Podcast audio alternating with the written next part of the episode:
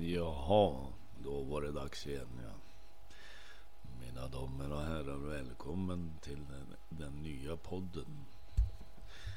Mitt namn är Stefan Törnberg och, och jag är rätt ny på det här med poddar och grejer. Så, men... så nu så.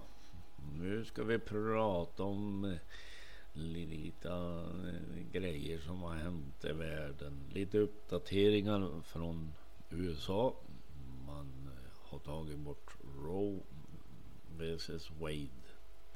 Den här lagen som skyddar kvinnor. Nu helt plötsligt så, så är det olagligt att ta bort. Men eh, vi får väl se eh, hur demokratiska presidenten Joe Biden agerar. Han kallas för, i media för Sleepy Joe. För det händer ingenting. Han bara sitter på stolen och sover medans amerikanska rättigheterna försvinner ut genom fönstret. Det är tragiskt. Eh, det har varit massskjutningar totalt på, på ett år i USA så har varit 585 massskjutningar. Det är kanske är dags att ha lite vapenkontroll, ni amerikaner. Men det roliga är att eh, man vill inte det. Man vill icke för det är massa lobbyister från vapenindustrin som tjänar miljarder på döda barn och döda folk. Senaste skjutningen det var poliser som sköt en man. De sköt iväg 90 skott. Träffade 60 av dem den här massmördaren som mördade massa på 4 juli. Han vart eskorterad ut utan ett skott. Det är ju knepet. Jag tycker prioriteringar. Om man har en aktiv skytt.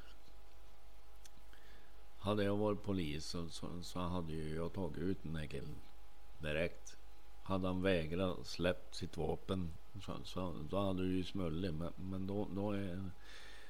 Man gör inte det. Man eh, använder vita handskar åt vita folket i, i omvärlden och USA. Man behandlar folk olika bara för du är vit betyder det inte att eh, du kan få mörda folk som du vill.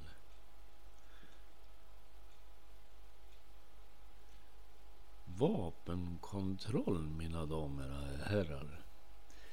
Det måste ju finnas vapenkontroll. I Sverige får, får du inte köpa några höghastighetsvapen. Då måste du ha väldigt specifika regler varför du ska just köpa ett eh, höghastighetsvapen. Sen måste du ha licens på det. Sen måste du ju gå på en, en eh, bana och skjuta och testskjuta geväret. Men sen då?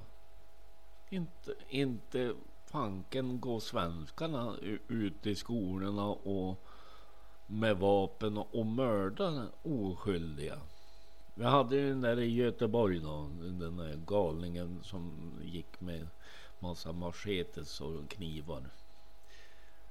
Men, tragiskt nog så, så var det många som dog där också. Men det hade varit värre om, om man hade haft ett vapen.